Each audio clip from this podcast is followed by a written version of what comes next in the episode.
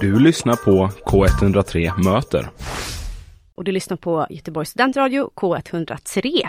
Och nu är det dags för mig, eller för dig Oliver, att presentera vilka gäster vi har här idag. Med oss i studion så har vi eh, syskonduon från Göteborg som under det senaste året har haft eh, låtar eh, som spelats på P3 inklusive Silent Spaces. Eh, den har hamnat eh, bland favoriterna hos flera av Sveriges mest framstående musikprofiler och det är ingen mindre än Tracy Irv bestående av Alexander och Linnea Herlogsson. Välkomna till studion! Tusen tack, tusen tack! Trevligt att ni är här! Um, men vi kan börja från början då. Vad, hur kommer det sig att ni skapar er grupp och var kommer namnet ifrån? Um, ja, alltså vi har ju hållit på med musik sen vi var, jag tror sen jag gick i gymnasiet och du var några år äldre. Och då började vi med att göra YouTube-covers uh, och lägga upp. Um, och sen hade vi ett annat band uh, med en till kille som vi spelade i ett tag. Och sen så startade vi Tracy Irv ihop då. Um, och namnet kommer väl från uh, Ja det kan ju du dra, för det var ju du som kom på det. Ja, men jag, det var Man är inte helt så här nöjd över namnet nu för tiden. Men när, när vi skapade det så tog jag Tracy från faktiskt filmen Into the Wild, en karaktär därifrån. Ja, den kommer därifrån. Jag älskar Ja. den filmen. Ja. Den är, Den är helt otrolig, fantastisk. verkligen. Den är så bra.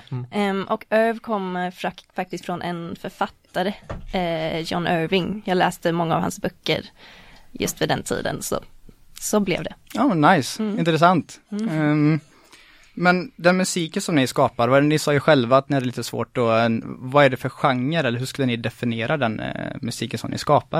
Eh, Det är alltid jättesvårt, eh, för folk frågar ganska ofta hur man definierar den. Eh, Om man ska hårdare så är det väl typ elektropop kanske.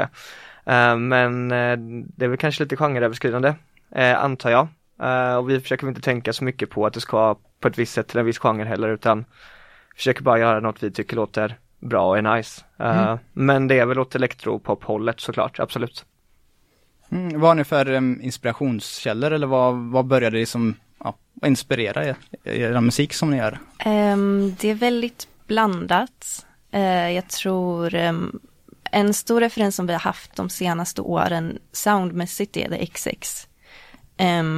Och text och melodimässigt så är det kanske mer från min sida då att jag har lyssnat lite mer på singer-songwriter, folkmusik nästan. Så Laura Marling har varit en stor inspiration för mig bland annat. Ehm, men annars, jag menar, jag vet inte, det är väl en blandning av mycket tror jag. Ja, men vi börjar väl, när vi började med det här projektet Tracy Irv så började vi väl lite åt singer-songwriter folkhållet.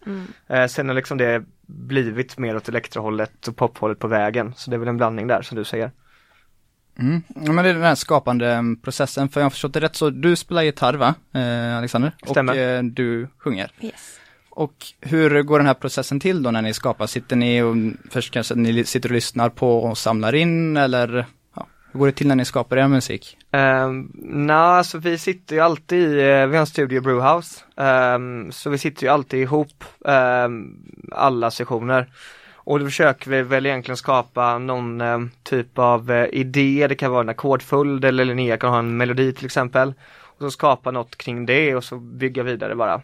Um... Vi har alltid några referenslåtar som vi har med oss när vi går in i studion. Det här, liksom, det här är den typ av låt vi känner för att göra nu liksom. Um, och sen försöker vi ja, utgå från det. Men det ser ganska olika ut från gång till gång. Händer det ibland att ni har en tanke om ett, hur en låt ska skapas och vara, så landar ni inte riktigt där? Varje gång. Alltid. Varje gång! Ja. Ser ni det som ett, en, en lycka liksom att det är, en- ja, det är bara en del av den kreativa processen? Det är ju absolut, alltså man har ju alltid en idé, sen så går ju alltid en skapande process oavsett om det är musik eller eh, att man målar en tavla eller vad det nu kan vara. Alltså, det blir ju aldrig som man tänkt sig utan det lever ju ett eget liv på vägen på något sätt så att eh, det är nog bara positivt. Eh, det bara att man måste ha någonstans att börja, en grundidé. Sen vad den tar för väg kan man inte liksom riktigt veta på förhand. Ja, men det är det som är så härligt med ja, konst och musik och att det, det blir att det är svårt att veta var man ska landa, men det är det som är det roliga också, tycker jag. Verkligen. Men ni är en syskonduo, hur, hur fungerar det? Hur, hur känns det att vara i ja, ett band eller grupp med sitt eget syskon? Hur funkar det? Ja du, Uh, Men det, det är väl övervägande positivt, måste Absolut måste övervägande positivt. Jag tror att eh, för några år sedan så, alltså med ett syskon, eller vi har kommit varandra mycket närmare under hela processen vi gjort musik. Vi har liksom blivit bästa vänner på något sätt på vägen, vilket är fantastiskt såklart. Men jag tror att man är också brutalt ärlig mot ett syskon som man kanske inte är mot en vän. Eh, och det kan ju vara väldigt positivt men också väldigt frustrerande och eh, negativt i vissa aspekter, det tror jag. Um, så vi, nu har det inte varit lika mycket senaste, men vi bråkar ju jättemycket ibland liksom. Alltså herregud, det är, ja. Men övervägande positivt. Jo men det är, och speciellt som du säger, så när man då ska skapa någonting och vara kreativ så är det en väldig befrielse att faktiskt kunna vara väldigt så här, raka och ärliga mot varandra. Också att vi faktiskt känner varandra liksom utan och innan så man behöver inte Alex vet ju vad jag menar fast jag förklarar det på ett konstigt sätt för att ja, vi, vi känner varandra så pass väl liksom. Så det, ja. Men ni använder verkligen syskonbandet till, till eran fördel, låter det som. Ja men absolut. Det låter ju toppen. Försöker i alla fall. Ja. ja. men det var just en fråga jag hade, att eh, om ni kände att musiken har fört er närmare och det, det sa du att den hade gjort det. Ja men verkligen, alltså vi eh, eh det har ju liksom förändrat vår relation helt, definitivt. Eh, nu har vi kontakt eh, varje dag istället för att inte alls lika ofta som innan då, så att mm. det tycker jag. Mm. Härligt. Ehm, och ni har ju släppt en ny singel som heter eh, En och rund. Yes. Och ni ska få prata lite om den ehm, efter den har spelats. Men här kommer eh, En och rund av Tracy Irv. Ensam i en ny gammal stad Suttit här för länge och väntat vill den ta mig tillbaka Ja, detta är K103 och helgstarten. Ni hörde precis Tracy Irv med låten Ännu rund. Och wow, wow, wow säger jag. Jag tyckte den var helt fantastisk. Tack, tack. så mycket. Och detta är ju deras, eller eran första låt som ni har um, gjort på svenska. Hur, mm. hur känns det? Eh, det känns kul, eh, lite nervöst. Det var en utmaning. Eh, det känns väldigt mer naket att skriva på svenska. Men, eh, ja, nej, men det känns kul för det kändes som det var liksom ett, eh, ja, men ett nästa steg för oss att testa på det. Och det känns ganska aktuellt eh, nu också att eh, skriva på svenska. Ja men det tror jag. Det är lite annorlunda ja. Eh, men jag tror att folk lyssnar på ett annat sätt när det är på svenska, vare sig man vill eller inte. Mm. Det gör mig själv också. Så att det blir absolut som du säger mer naket. Men bara roligt faktiskt, verkligen. Men det blir som ni säger, det blir mer utlämnande på det sättet att det när, man, när ni skriver på engelska så kan jag tänka mig att det blir någon sorts barriär mellan er och lyssnarna, eftersom att det inte är ert direkta språk, men när det är svenska så blir det så direkt på något sätt. Mm. Ehm, men jag kände ändå så att jag fick en mer relation till era musik eh, när jag hörde låten på svenska, när jag lyssnade på engelska förut. Det blir den här distansen, så att jag uppskattar jättemycket äh, låten när jag skrev. Ja men kul, tack. Och ähm, den heter ju Ännu rund och vad är det för någonting då? Eh, ja, bra fråga. Nej men jag eh, sjunger jorden, den är ännu rund. Um, och det är väl på något sätt att um, det handlar väl om, eh, alltså många av våra låtar är, handlar ganska mycket om det förflutna, kanske fastna i det förflutna. Um, och jag försökte den här låten att vara lite mer i nuet. Och den handlar mycket om att våga vara i nuet um, och att känna att okej, okay, nu har jag det faktiskt bra. Jag behöver inte uh, göra det dåligt, liksom. eller så här att man behöver inte övertänka det utan bara låta det vara. Jag tror att jorden den är ännu rund var en och så här, okej, okay, men i grunden så är allting liksom som det ska vara på något sätt. Eller det är liksom det mest basic. Mm. Jorden är rund, okej, okay, allt är... Så det är väl lite så jag tänkte på något sätt. Ja, men när ni skriver um, de här låtarna, när ni skriver texterna, försöker ni basera ni texterna på era subjektiva upplevelser eller är det oftast att ni relaterar det till något världsligt eller något som pågår eller är det oftast hur ni försöker beskriva eran subjektiva upplevelse av eh, världen?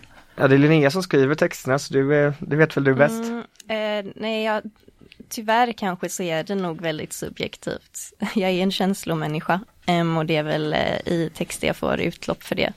Så det handlar mycket om um, mina egna tankar och känslor definitivt. Ja men nice. Och um, Alexander, har ni några pre-show rituals? Är det någonting ni, eh, något som ni gör innan ni spelar?